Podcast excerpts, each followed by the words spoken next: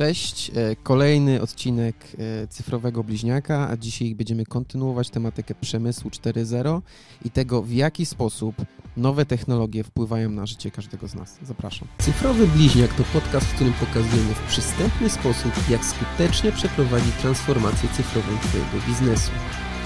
Jeżeli interesuje Cię technologia i wpływ na gospodarkę, to miejsce jest właśnie dla Ciebie. Podcast prowadzi Adrian Stelman, doradca wdrażający nowe technologie informatyczne w przedsiębiorstwach produkcyjnych. Oraz Paweł Pawłowicz, który wspiera globalne organizacje w transformacji cyfrowej. Okej. Y, Nowoczesne technologie praktycznie y, wspierają już każdy y, sektor. Y, Czyli technologie, o których mówiliśmy. AI, machine learning, big data. y, To, to już praktycznie są wszędzie. Są w rolnictwie, w transporcie. W edukacji chyba też powinny być. Ale nie wiem, czy zostały zaadoptowane w finansach, e, do, do, do analiz finansowych. Mm, No to może byśmy o tym chwilę porozmawiali, że są jakby dostępne, natomiast jak wygląda jakby ta adopcja tych nowoczesnych technologii w innych sektorach oprócz e, sektora produkcyjnego. Mhm.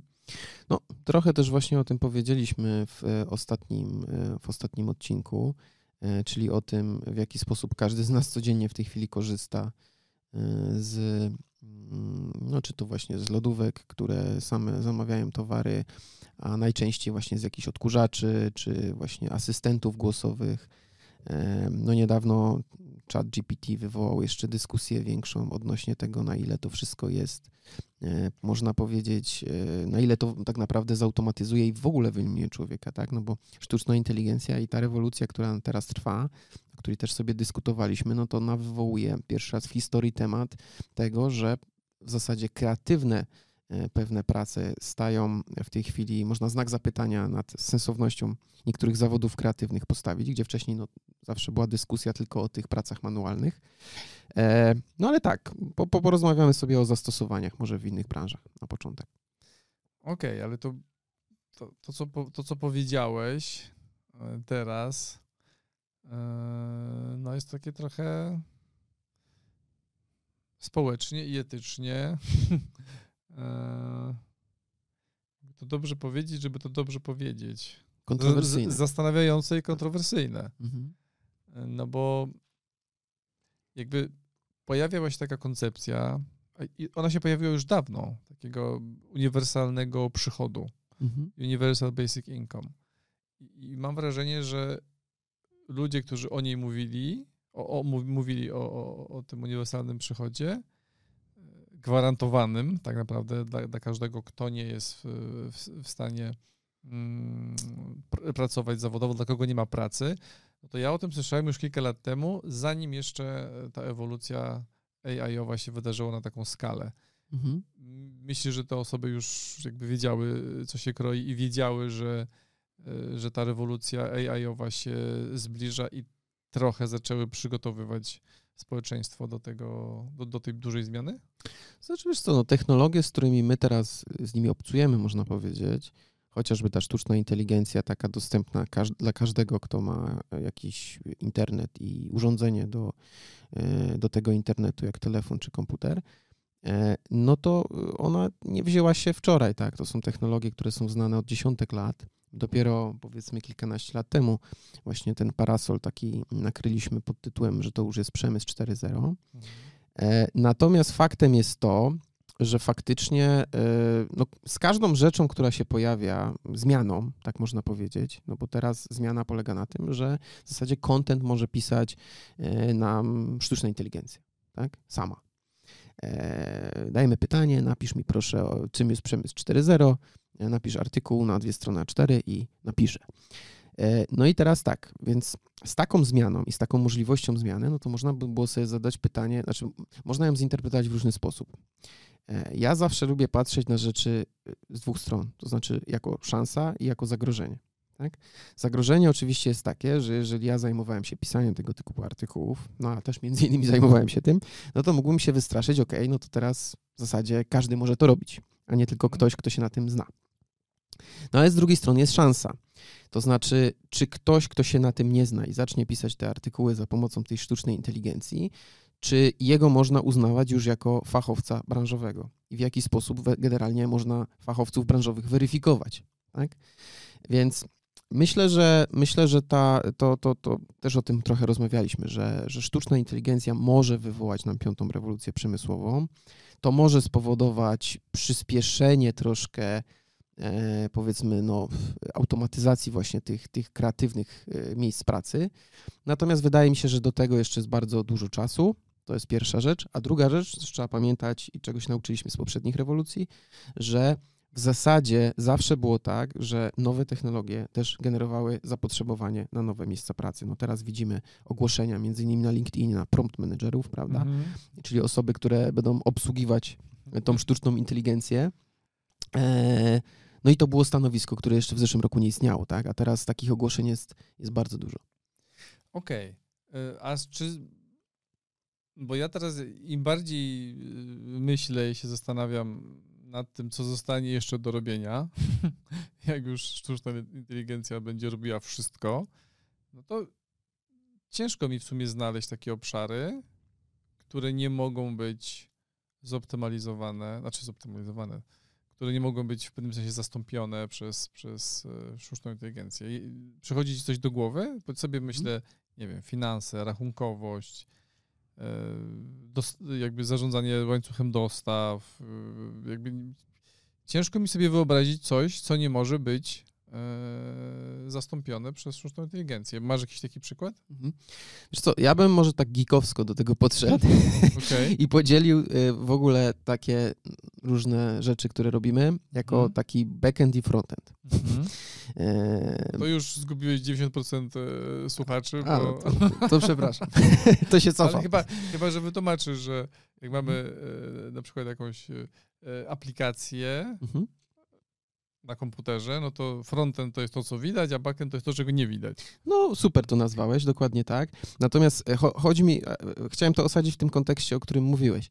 E, backend no to jest coś, czego właśnie nie widzimy, to znaczy ludzie nie mają z tym interakcji, mhm. tak? Jeżeli ja płacę zbliżeniowo na przykład za coś, no to tam nie ma człowieka pomiędzy mną, a pomiędzy tym, kto temu, komu płacę. Tak? To się dzieje samo. Czyli to jest ten tak zwany backend. Natomiast jeżeli idę do restauracji i chcę coś zamówić, to ja bardzo lubię, jak ta interakcja jest z drugim człowiekiem. Nie? Jeżeli idę na przykład do jakiegoś sklepu, e, no to jest wiele czynności, które w tym sklepie można zautomatyzować, ale ja na przykład bardzo lubię pytać, gdzie coś jest, albo, albo czy w ogóle to jest, i zazwyczaj ten drugi człowiek jest w stanie mi doradzić. Więc ja uważam, że takich rzeczy właśnie doradczych, gdzie ktoś zna się na czymś i jest w stanie nawiązać ze mną tą interakcję, to tego nie wyeliminujemy, bo to jest gdzieś tam zaszyte w naszej podświadomości, że my mimo wszystko jako ludzie jesteśmy istotami społecznymi i musimy interakcje prowadzić z innymi ludźmi. Chciałbym to trochę zakwestionować. Proszę bardzo. Bo mam dużo doświadczeń, które pozwalają mi yy, myśleć, że to się zmienia i że to jest dla ciebie istotne, bo urodziłeś się w którymś tam roku. Natomiast większość ludzi, mm, wydaje mi się, urodzonych stosunkowo niedawno, będzie miało taką preferencję, żeby jednak wszystko robić bez interakcji e, jakby z innymi ludźmi. I czy to będzie kupowanie, czy to będzie e, uzyskanie jakiejś porady. Wydaje mi się, że my mamy taki trochę bias, dlatego że my jesteśmy troszkę z innych czasów. Może my się nie urodziliśmy 10 lat temu ale mam wrażenie, że osoby, które się urodziły 10-15 lat temu ze smartfonem w ręce, no to mogą myśleć troszeczkę inaczej i mogą nie chcieć się pytać w sklepie, tylko, tylko mogą chcieć na przykład wystukać coś na ekranie albo jakąś komendę głosową wydać niekoniecznie wchodzić w interakcję z ludźmi. Co myślisz? No, myślę, że może tak być. To wiesz, to czas jakby pokaże. Ja też żyję w swojej bańce pewnej y, informacyjnej i też mam pewne upodobania. Mhm. E, ja mimo wszystko właśnie w takich miejscach y, lubię tą interakcję z człowiekiem. E, uważam, że jest wiele miejsc, gdzie ta interakcja faktycznie nie jest potrzebna, e, bo coś się może dziać przysłowiowo samo. Natomiast jest takie miejsce, gdzie ja po prostu to lubię. No nie wyobrażam sobie, żeby tego nie było. E, tak. No, natomiast no, zobaczymy, co, co czas pokaże. E, mi się wydaje, że mimo wszystko my jako ludzie mamy zaprogramowaną tą, tą potrzebę socjalizacji e, i być może ona ewoluuje i być może mm, zmieni formę, natomiast tak czy inaczej my potrzebujemy i musimy po prostu być w interakcji prowadzić z innymi ludźmi. Okej, okay. Natomiast ja potrzebuję, ty potrzebujesz, natomiast no, ewolucja trwa cały czas. Ja nie miałem smartfona, jak się urodziłem. No, ja też. Nie wiedziałem, co to jest metavers. Nie było sztucznej inteligencji, która jakby może stworzyć e, grafiki, obrazy i wygrać, i wygrać z człowiekiem. Jakby tego nie było. To, to, to teraz pewnie będzie standardem. No dobra, no to w sytuacji, w której to już jest praktycznie codzienność, czyli ta jakby interakcja z, z, z bardzo zaawansowaną technologią, która codziennie jest coraz mądrzejsza, to możemy jakby za, zaryzykować takie stwierdzenie, no to kwestia jakby edukacji, która powinna temu towarzyszyć. Poza anteną rozmawialiśmy o tym, że mm, edukacja chyba czy, czy żeby edukować o najnowszych technologiach, no to pewnie trzeba mieć kadrę, która może edukować o tych najnowszych technologiach. Natomiast jakby sama edukacja nie nadąża za, za tym, co się zmienia w świecie, więc nie nadąża też za tym, żeby edukować ludzi, żeby ta wiedza była użyteczna dla nich, jak oni skończą studia na przykład, czy nawet y, jakieś liceum. No, jakie, masz, jakie masz tutaj zdanie? Nadąża edukacja, czy nie nadąża? Co, wydaje mi się, że zdecydowanie nie nadąża. Natomiast y, to jest trochę tak na obronę tej edukacji, że teraz mamy takie zmiany, których tak szybko zmiany są wprowadzane, których nie było nigdy w historii y, ludzkości. Y, dlatego, że jak wcześniej już w poprzednich odcinkach też mówiliśmy o tych rewolucjach przemysłowych, to było tak, że one trwały latami. E, mówiliśmy o, o, sztucznej inteligencji i o wykorzystaniu jej. Prawda jest taka, że pierwszy komputer, który wykorzystywał sztuczną inteligencję i pierwsze algorytmy, które tam badowały na kilkuset synapsach i tam rozpoznawały kształty, to były bodajże lata 80., jeśli się nie mylę, tak? To już jest 40 lat. Pierwsze ekrany dotykowe, to jeszcze Xerox wymyślił, tak? To też były lata 70., 80. Tak? Więc ta technologia była znana od dłuższego czasu, natomiast to, co się zmieniło, to się zmieniła adopcja i koszty przede wszystkim e, budowania takich rozwiązań technologicznych, no a przez to też właśnie dostępność dla każdego człowieka. I to się zmieniło. No, 10 lat temu jeszcze nie mieliśmy takiej możliwości e, wykorzystania na przykład chociażby smartfonów, o których mówimy, tak? No i a w tych 10 lat popatrzmy, jak wiele się zmieniło. Od tego, że mogliśmy palcem e, po prostu dotykać ekranu, e, po to, że w zasadzie teraz na tym samym ekranie uruchamiamy moc obliczeniową, która jest równa najsilniejszym komputerom z lat właśnie 50. czy 60., prawda? Więc ja myślę, że edukacja no, ma problem, żeby nadążyć. E, natomiast ja taki postuluję do tych osób, które, które działają, e, które edukują przede wszystkim, e, żeby się do tego po prostu nie odwracać plecami, dlatego że to jest zmiana, od której nie ma odwrotu, po prostu. Więc trzeba się do niej przyłączyć i trzeba spróbować właśnie ją wykorzystać po to, żeby, żeby każdy mógł z niej skorzystać. No, no tak, jeżeli chodzi o, o edukację, to też rozmawialiśmy o tym poza anteną, że są trzy grupy ludzi. Pierwsza grupa będzie przeciwko zmianom i powie, o nie, w życiu ja to, to ja tego nie będę robił, bo, yy, bo się nie zgadzam na to, żeby, żeby mnie to jakoś żeby to pomogło, czy żeby zastąpiło moją pracę. Albo to mnie nie dotyczy. Albo to, tak, tak, no, albo to mnie nie dotyczy. Mhm. Czyli absurd chyba największy z możliwych. Yy, ale to, ale czekaj, to jest, bo to będzie druga grupa, czyli druga grupa takich ignorantów, mhm. tak, takich osób, które mm, nie, to, bo jedna grupa bojkotuje, druga jest taką grupą, która totalnie ignoruje i uważa, że wszystko będzie ok, a trzecia grupa to jest taka, która zaczyna rozumieć, że ta zmiana jest nieunikniona, że tutaj nie ma opcji, że coś się nie wydarzy, że, że nie wiem, jakimś takim, mam takie wrażenie, że takim jakimś e, zbiegiem okoliczności, no mnie to akurat nie, nie będzie dotyczyło, nie? że nie wiem, to przejdzie ta, ta, ta, e, zmiana technologiczna koło mnie, a ja do końca życia będę robił to, co robiłem, tak jak chciałem robić. Nie? Mhm. No tak, no i masz tych, którzy się faktycznie podepną e, pod tą zmianę, no i po prostu można powiedzieć, że na tej fali wypłyną, tak?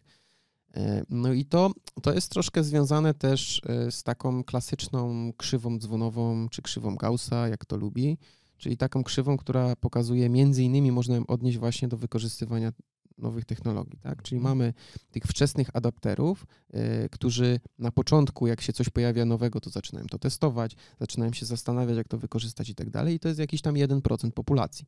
Tak?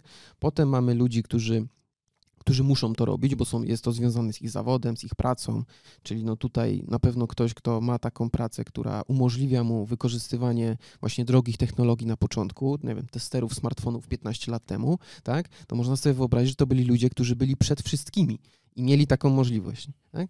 No a potem mamy resztę populacji, e, którzy po prostu już dostają to i w zasadzie nie mają odwrotu. E, tak, w przypadku właśnie smartfonów, no teraz w zasadzie bardzo trudno już jest kupić telefon, który smartfonem nie jest, tak? Więc jesteśmy poniekąd e, wszyscy już skazani, nawet gdyby ktoś powiedział, że ja nie chcę. Tak, ale jest też mm, taki trend e, w Stanach osób, które jakby pokolenie, nie wiem, któreś tam już, nie, nie nadążam, które, czy Z, czy Y, czy któryś, że jest y, powrót do, do, do telefonów takich dumb phones, czyli takie Mhm. telefony, które nie mają dostępu do internetu. Nie wiem, na ile to jest jakby realne, natomiast y, no, słyszałem o tym i że to się dzieje, że są osoby, które faktycznie są w stanie stwierdzić, że, że ten, ten, ten świat wirtualny uzależnia, no i zabiera też Mhm. wiele ciekawych aspektów życia. A jeszcze takie mam e, pytanko do ciebie odnośnie tego 1% Mhm. early adapters. Mhm. Ty jesteś w tym procencie, rozumiem. No, chciałbym być zawsze w tym jednym procencie, nie zawsze to jest możliwe, nie? bo to jest tak, że no, praca, którą wykonujemy, umożliwia nam powiedzmy wgląd w pewne technologie dużo wcześniej niż one są dostępne. Sztucznej inteligencji, no to ja też na studiach takie rzeczy Mhm. e, na przykład e, robiłem, z, nim, z tym związane. E, Potem w pracy zawodowej, no to wiele firm, w których realizowałem projekty, no już wykorzystywały różne technologie związane ze sztuczną inteligencją, IoT, więc dla mnie, jak teraz pojawiło się to w domu, no to super, ale no to było dostępne dużo szybciej, więc, więc tak. Bo ja sam siebie zas- zaskakuję tym, że jakby ja y, używam czatu GPT czy, czy, czy jakby innych aplikacji, które używają e, sztucznej inteligencji i mnie się wydaje, że to jest norma, ale no gdzieś tam ostatnio rozmawiałem z ludźmi spoza mojej bańki i oni w ogóle nie mają, jakby dla nich to jest, no słyszałem gdzieś tam w telewizji czy w radio mówili tyle. Wydaje mi się, że, że, że jest taka szansa, że my żyjemy w takiej bańce trochę technologicznej, w związku z tym mamy dostęp, używamy, ale też, ale też chcemy zawczasu ym, się z tą technologią zapoznać, po to właśnie, żeby nie zostać, yy, tak, tak się mówi, nie zostać w tyle, no ale, ale no, taka jest prawda. Tutaj nie ma jakby y, takiej sytuacji, że nagle to się zatrzyma y, i, i, no i jednak będziemy na kartkach papieru pisać i, i liczyć na liczydłach. No, nigdy się to nie wydarzyło i tutaj też się nie wydarzy chyba. Czyli masz takie wrażenie, że, może, że jesteś w tym 1%, bo jak spojrzysz na swoich znajomych, to pewnie dużo z twoich znajomych korzysta, ale jakbyś zob- zobaczył y, ludzi spoza twojej bańki, no to tam, powiem ci, mogłoby być różnie. I, i- to mnie trochę zastanawia, że jakby ja sobie założyłem, że to już jest taka podstawa i trzeba to robić, bo jak się tego nie będzie robić, jak się nie będzie, nie wiem, przy pomocy tego grafik, y, jak się y, generować, jak się nie będzie przy pomocy y, tekstów czy uzyskać informacji, no to, to kiedy zacząć w ogóle, nie? Kiedy zacząć oswajać się z tym? Wydaje mi się, że, że tak jak takie japońskie e, przysłowie, że najlepiej zacząć było w, chyba wczoraj, czy tam, nie wiem, 7 lat temu, a, a- drugi najlepszy moment to był wczoraj. Tak. Czyli jak ktoś chyba tego nie robi, no to może nie być e, najlepiej. A może będzie wszystko ok. Znaczy ja myślę, że to nasza misja to jest taka tutaj edukacyjna, żeby troszkę te niektóre rzeczy odczarować. E, I e, no, to jest powiązane z tym, o czym powiedzieliśmy wcześniej, tak, że i z psychologią generalnie ludzi, że e, i z tym, w jaki sposób podchodzimy jako ludzie do zmiany i co mamy zaprogramowane jako podejście do zmiany. E, zawsze zmiana kojarzy się każdemu z nas z pewnego rodzaju zagrożeniem, no bo jest inaczej niż było, tak? Tylko, że w większości, na nie, większość zmian nie mamy żadnego wpływu. Tak? To jest tak, jakbyśmy bali się tego, że autonomiczne pojazdy zaczynają jeździć po naszych drogach, ale jednocześnie nie mogli za bardzo nic z tym zrobić. No i teraz albo możemy faktycznie się bać i nie, zamknąć w domu i nie wychodzić, no albo możemy się zastanowić, w jaki sposób skorzystać z tego e, i na przykład założyć salon samochodowy, z, który będzie pośredniczył sprzedaży różnych marek samochodów autonomicznych, przykładowo, mhm. bo jeszcze takich salonów nie ma. Więc Zawsze jest, każda rzecz, każde nowe doświadczenie y, jest jednocześnie szansą, może być jednocześnie szansą i zagrożeniem, a to w jaki sposób, czy będzie szansą, czy zagrożeniem, zależy od tego, w jaki sposób my jako ludzie to zinterpretujemy i jak to wykorzystamy. No tak, bo tak się pewnie nam tutaj łatwo mówi, że może edukacja nie nadąża, może trzeba się bardziej edukować. Jakby są ludzie, którzy nie mają do czynienia z technologią na co dzień, więc no pewnie ich czas adopcji będzie E, opóźniony mocno. Natomiast oprócz, oprócz braku odpowiedniej e, edukacji na czasie, jakie jeszcze problemy i bariery widzisz w, w wykorzystywaniu nowych technologii w życiu codziennym?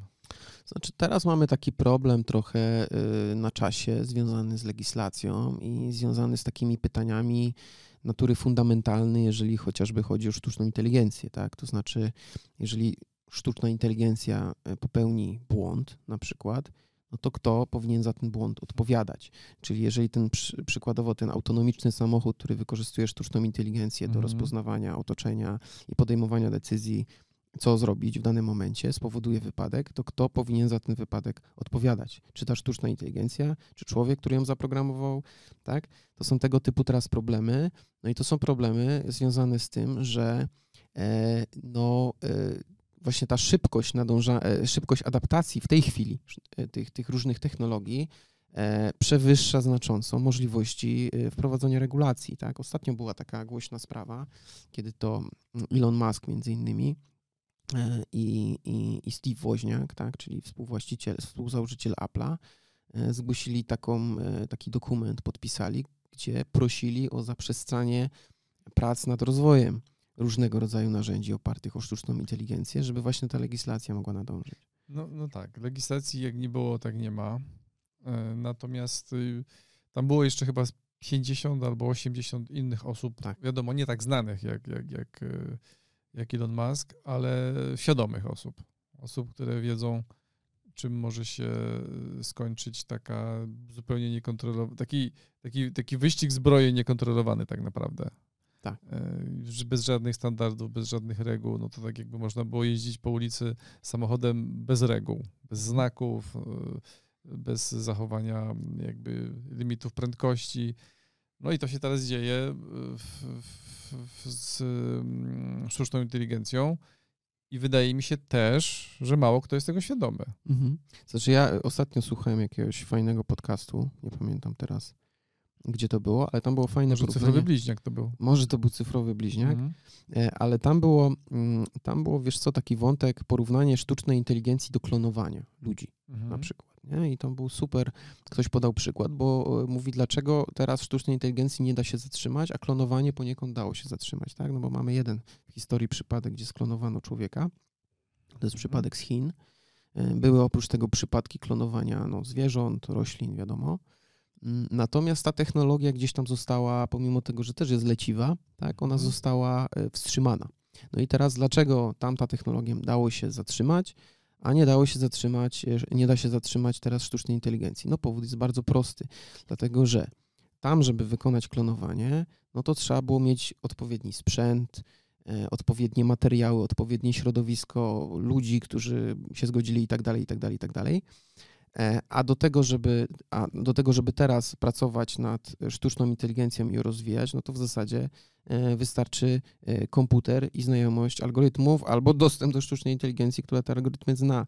Więc no, tego się praktycznie zrobić nie da, bo trzeba by było zatrzymać wszystkich ludzi, którzy umią programować, albo zatrzymać wszystkie sztuczne inteligencje, które, które tych ludzi mogą wspomagać. Także no jest to, jest to praktycznie teraz niemożliwe. Tak, próg, próg wejścia jest diametralnie inny tak. E, niż w przypadku klonowania ludzi. Wydaje mi się, że to chyba e, na, najcięższy aspekt to była właśnie ta cała infrastruktura i środowisko. No a tutaj faktycznie tego progu wejścia nie ma. Mhm. No ale żeby nie było tak e, kolorowo, no to są na pewno jakieś bariery, które powstrzymują adaptację. Jakby adaptacja się dzieje, tak? Jakby na co dzień y, mamy do czynienia jakby z technologią. Niektórzy wypierają to i nie chcą słuchać, że tak będzie, niektórzy tak jakby używają. Natomiast y, mm, żeby na taką jeszcze większą skalę, nie wiem, czy nam jest to potrzebne, żeby, na, żeby jeszcze szybciej adaptować te technologie, no to, to, to są elementy, które no bezpośrednio y, to blokują jeszcze. No blokują, może są takimi barierami. Dla mnie takim y, największym chyba problemem jest y, odporno, odporno, odporność na zmiany. Czyli to, o czym my mówiliśmy, że ten 1% to są ci early adapters, a cała reszta, może nie cała reszta, może nie wiem, 80, 90, 70, nie wiem jakie to są, jakie są liczby, no to właśnie albo się buntuje, albo ignoruje całkowicie. Jakieś jeszcze bariery? Które... Przed rozwojem sztucznej inteligencji i technologii generalnie. Ogólnie jakby wdrożeń jakby opartych o, e, o, o technologię. Znaczy myślę, że to jest troszkę taki strach też przed tą legislacją, że ona jak się pojawi, to za chwilę może hmm. spowodować, że już nie będziemy mogli tej technologii hmm. wykorzystywać. E, to jest troszkę strach, troszkę właśnie brak też edukacji e, związany z tym, w jaki sposób, no bo to, że ja słyszę o jakimś przypadku wykorzystania tam autonomicznego pojazdu czy czegokolwiek innego, to nie znaczy, że ja teraz nie mogę sobie tego przypadku w jakiś sposób przeskalować na swój biznes. Czyli brak takiego, takiej znajomości tego od podszewki trochę, żeby to jakby przeskalować, nie? Tak, to, tak. To to jest jedno z takich, mhm. z takich głównych, bym powiedział. Mhm. A chcemy o tym pogadać jeszcze w kontekście y, przemysłu 4.0 i, i, i 5.0? Znaczy, wiesz co, ja bym może tutaj postawił trochę średnik, bo, mm. bo już ten odcinek też już trochę trwa. Mm. Natomiast e, to, co chciałbym powiedzieć na koniec może już, to jest, mm, bo ten odcinek może wybrzmiał tak trochę, nie wiem, apokaliptycznie, mm. natomiast tutaj troszkę celem było to, żeby pokazać, pokazać dwie strony tego medalu, tak? I pokazać, że mm, to, z czym mamy teraz do czynienia, przed tym nie ma tak naprawdę, e, nie ma mety. Tak? To się będzie rozwijało coraz szybciej. Kolejną taką fazą, myślę, którą trzeba przełamać, e, a propos też tego, co ty powiedziałeś, no to jest taka cyberfizyczność. Czyli teraz połączenie, e, no bo sztuczna inteligencja, może o tym będziemy mówić trochę następnym razem szczegółowo, ale tak, w takim najprostszym uproszczeniu to jest to, że to jest jest pewna baza danych, na której ona się musi, nazwijmy to, nauczyć. I teraz te, każda z tych sztucznych inteligencji ma tą bazę stosunkowo małą. Tak? A teraz wyobraźmy sobie e, no, nieograniczone annały internetu, i to jeszcze w czasie rzeczywistym dostępne, e, z których ta nasza sztuczna inteligencja się uczy e, sama i dodatkowo ma tą fizyczną postać, tak? czyli ma, ma jakąś możliwość wpływania na swoje otoczenie, fizyczne. No to, to, to jest taka, taka ciekawe, ciekawy wątek, który, który może być taki właśnie apokaliptyczny, albo może być, hmm. może być naturalną jakby e, koleją rzeczy. Raczej wydaje mi się to, to drugie, tak? Że to raczej będzie kolejność, naturalna kolej rzeczy, przed którą po prostu E, do której trzeba się przyzwyczaić i... Trzeba zaakceptować i się przystosować i się wyedukować. Dokładnie. Natomiast jedno te, mam takie pytanie zamiast, e, zamiast mojego takeawaya, mhm. to pytanie o... No tak, chyba większościowym inwestorem e, w czacie GPT jest Microsoft. Mhm. Mm, no i to stawia Google'a w takiej dziwnej sytuacji, chyba pierwszy raz od iluś tam lat, że nie jest liderem, Mhm. bo przeważnie, jakby przeważnie był. I teraz jest y, y, konkurencja do czatu GPT, czyli BART. Mhm. I chciałem coś zweryfikować, e, że chat GPT nie ma dostępu do danych obecnych rz- rzeczywistych, a BART ma. Mhm. I teraz się zastanawiam, czy się nie zrobi trochę taki wyścig zbrojeń niebezpieczny. W sensie, czy w związku z tym, że BART, czyli Google, musi gonić y, chat GPT, no to a, a, a pewnie będzie chciał jakby y, nie dać się dogonić. Czy, czy to nie jest jakieś takie y, dość konkretne ryzyko, bo to nie jest taki zrównoważony rozwój, no tylko są dwa biznesy, które mają, podejrzewam, nieograniczone budżety, nieograniczone środki na to, żeby rozwijać y, te, te swoje silniki. No i, i, i tak jak ChatGPT nie ma dostępu do, do aktualnych danych, no to BART ma. Mhm. No i to mnie trochę zastanawia i to jest trochę niestety. Mhm. Znaczy, wiesz co, ja powiem szczerze, nie korzystałem jeszcze z Mm. tego googlowskiego narzędzia. Słyszałem o nim, ale nie korzystałem, więc nie wiem do końca, jak to działa. Chat GPT to starałem się zrozumieć tam od backendu trochę, jak to działa. Bo w ogóle BART w, w Polsce, jak chcesz użyć, to musisz przez VPN-a. A, czyli to jest jakaś testowy na razie bardziej. Znaczy w Stanach jest po Stanach prostu, Mhm. a w Polsce prawdopodobnie przez e, uwarunkowania takie jak RODO, GDPR, no nie, nie, nie można teoretycznie e, jakby tego używać, więc y, a ja używałem i nie byłem zachwycony, więc wydaje mi się, że gonią jeszcze. Mhm. Niby ma dostęp do, do danych e, aktualnych, Mhm. ale z drugiej strony nie kombinował zbyt dobrze. Ale Mhm. podejrzewam, że Google ze swoimi budżetami, jeszcze w, w, w, w budżety to jest jedna rzecz, ale dostęp do danych, jakie, do, do, do, do, do, do danych, jakie ma, jakie ma Google, no to jest nierealne, bo cały świat żyje na YouTubie i cały świat żyje e, na Google, więc y, co oni zrobią jakby z tą wiedzą w kontekście tego właśnie, że gonią e, Microsoft, to jest dla mnie delikatnie przerażające. Z, jed, z jednej strony mamy, mamy te, tego Google'a, o którym mówisz, no ale z drugiej mamy Binga, czyli Mhm. wyszukiwarkę Microsoftu, która taka trochę była zapomniana w ostatnich latach. A teraz, No a teraz zyskała asystenta Mhm. w postaci właśnie tak backendu czatu GPT.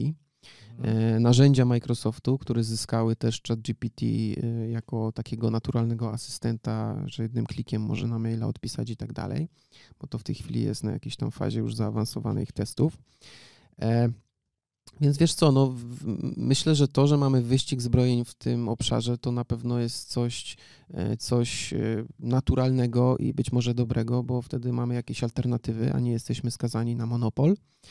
E, Z drugiej strony trzeba jeszcze sobie jedną rzecz przypomnieć, mm, związaną z tym, że najlepsza technologia, czy najlepsze nawet rozwiązanie na rynku, ono nie znaczy, że się przyjmie. Tak?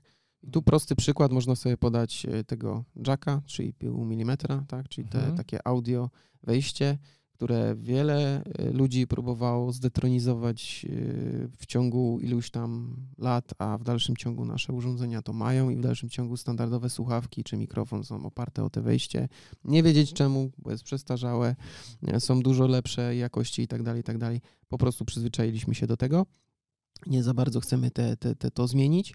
E, No i przypuszczam, że tak samo będzie tutaj. O ile się do czegoś przyzwyczaimy jako ludzie, do jakiejś technologii, no to e, czy do jakiegoś rozwiązania konkretnego, tak jak wy, przy, przyzwyczailiśmy się do wyszukiwarka, wyszukiwarki Google'a, e, to, to będzie ciężko temu, temu drugiemu, który wygra z, te, z tej na razie bitwy, po prostu już nadążyć później. Okej, to coś optymistycznego jeszcze powiedzmy teraz. Bo to rzeczywiście był taki odcinek, który Mhm. mógł trochę wiać e, pesymizmem. To coś optymistycznego może. Po jednym optymistycznym takeawayu i, i kończymy na dziś. Znaczy dla mnie optymistyczne było to, że każda rzecz wiąże się z szansą i zagrożeniem. Tak? Jeżeli my myślimy w naszej bańce informacyjnej, każdy z nas, że coś co, się, coś, co się zmienia na rynku i że za chwilę możemy stracić pracę, bo zastąpi nas na przykład chat GPT, e, to zastanówmy się, co my możemy zrobić, żeby na przykład tego czata lepiej wykorzystać. W jaki sposób możemy zyskać jeszcze większą eksperckość, żeby nie dało się tak łatwo nas wyeliminować, tak? Więc ja myślę, żeby patrzeć w kategoriach przede wszystkim szans. No my jako ludzie mimo wszystko w dalszym ciągu mamy bardzo dużo różnych przewag. Jesteśmy, mamy niesamowitą moc obliczeniową e, między naszymi oczami, e, połączoną właśnie z fizycznością e, w postaci nasze, reszty naszego ciała, więc w dalszym ciągu możemy bardzo wiele zdziałać. E, no i do tego bym właśnie zachęcał jako, jako, taka, jako taki właśnie pozytywny takeaway. Okej. Okay. Nie wiem, czy mój będzie pozytywny, ale będzie albo y, tak, nie, nie wiem, czy będzie pozytywny, no bo, bo też zależy od wielu czynników, ale może da się y, podejść do tej całej sytuacji w sposób zrównoważony i taki odpowiedzialny społecznie, bo chyba tylko to jest y, jakby odpowiedzią na to, co się obecnie dzieje, a, a z drugiej strony ludzkość robi tak dużo nieetycznych rzeczy, że dlaczego miałaby w tym jednym przypadku zachować się etycznie, ale rzeczywiście jakaś y, jakieś regulacje, wydaje mi się, muszą być, powinny być, muszą być, nie, nie, ale z drugiej strony, tak jak mówisz, no, każdy może sobie to rozwijać w, w, w stosunkowo niedużym nie, nie nakładem, więc to się będzie pewnie rozwijało, więc jakie, muszą być regulacje, i muszą być i musi być więcej edukacji, ale takiej edukacji przez ludzi, którzy to rozumieją i edukują pokolenie, które ma tego używać. Bo, bo, bo brak, brak tej edukacji może skutkować po pierwsze taką adopcją dużo niższą, a po drugie no problemami, ale takimi trochę przerażającymi problemami. Także nie wiem, nie udało mi się zrobić nic pozytywnego. Ty dużo lepiej e, pozytywny aspekt. A ja jestem sam w szoku, mhm. bo jak nie miałem partnera do rozmowy, tylko ja sobie o tym myślałem, to bagatelizowałem dużo z tych rzeczy. W mhm. sensie tak sobie myślałem, a no Mask, no mówię, Mask rozumie, mhm. no to się boi. Reszta nie rozumie, to się nie boi. A ja byłem tak w takim sytuacji, że jakby niby rozumiałem, ale się nie bałem. Ale jak zacząłem z tobą rozmawiać, no to jakby uświadomiłem sobie, że no, że Musk nie jest głupi, a skoro on się boi, to znaczy, że, że jest to obszar, który, któremu trzeba się przyjrzeć. No ale mhm. to tyle. Kończymy e, optymistycznie, nie wiem, świetna pogoda, słońce świeci, tak. 20, 20 kilka stopni, wychodzimy na zewnątrz. To jest mój optymistyczny optymistyczne podsumowanie odcinka. Znaczy ja myślę, że wiesz, bo ja mimo wszystko będę naciskał na optymizm, optymistyczny taki wydźwięk, że trzeba starać się zrozumieć rzeczy pewne i starać się z nich zacząć korzystać, bo jeżeli się od nich odwrócimy plecami, no to może być po prostu za jakiś czas za późno i ten jakiś czas jest teraz dużo krótszy niż był 10, 15, 20 lat temu. Żeby się czegoś bać, to trzeba zrozumieć, dlaczego się tego boimy. Dokładnie. Super. To co? To dziękujemy w takim razie. Zapraszamy do subskrypcji, komentowania tego odcinka. Mam nadzieję, że ktoś tutaj nas, z nami się nie zgodzi, bo wtedy będziemy mogli polemizować i odnieść się do tego w następnym nagraniu. Także dziękuję i do zobaczenia za tydzień. Cześć. Pozdrawiam.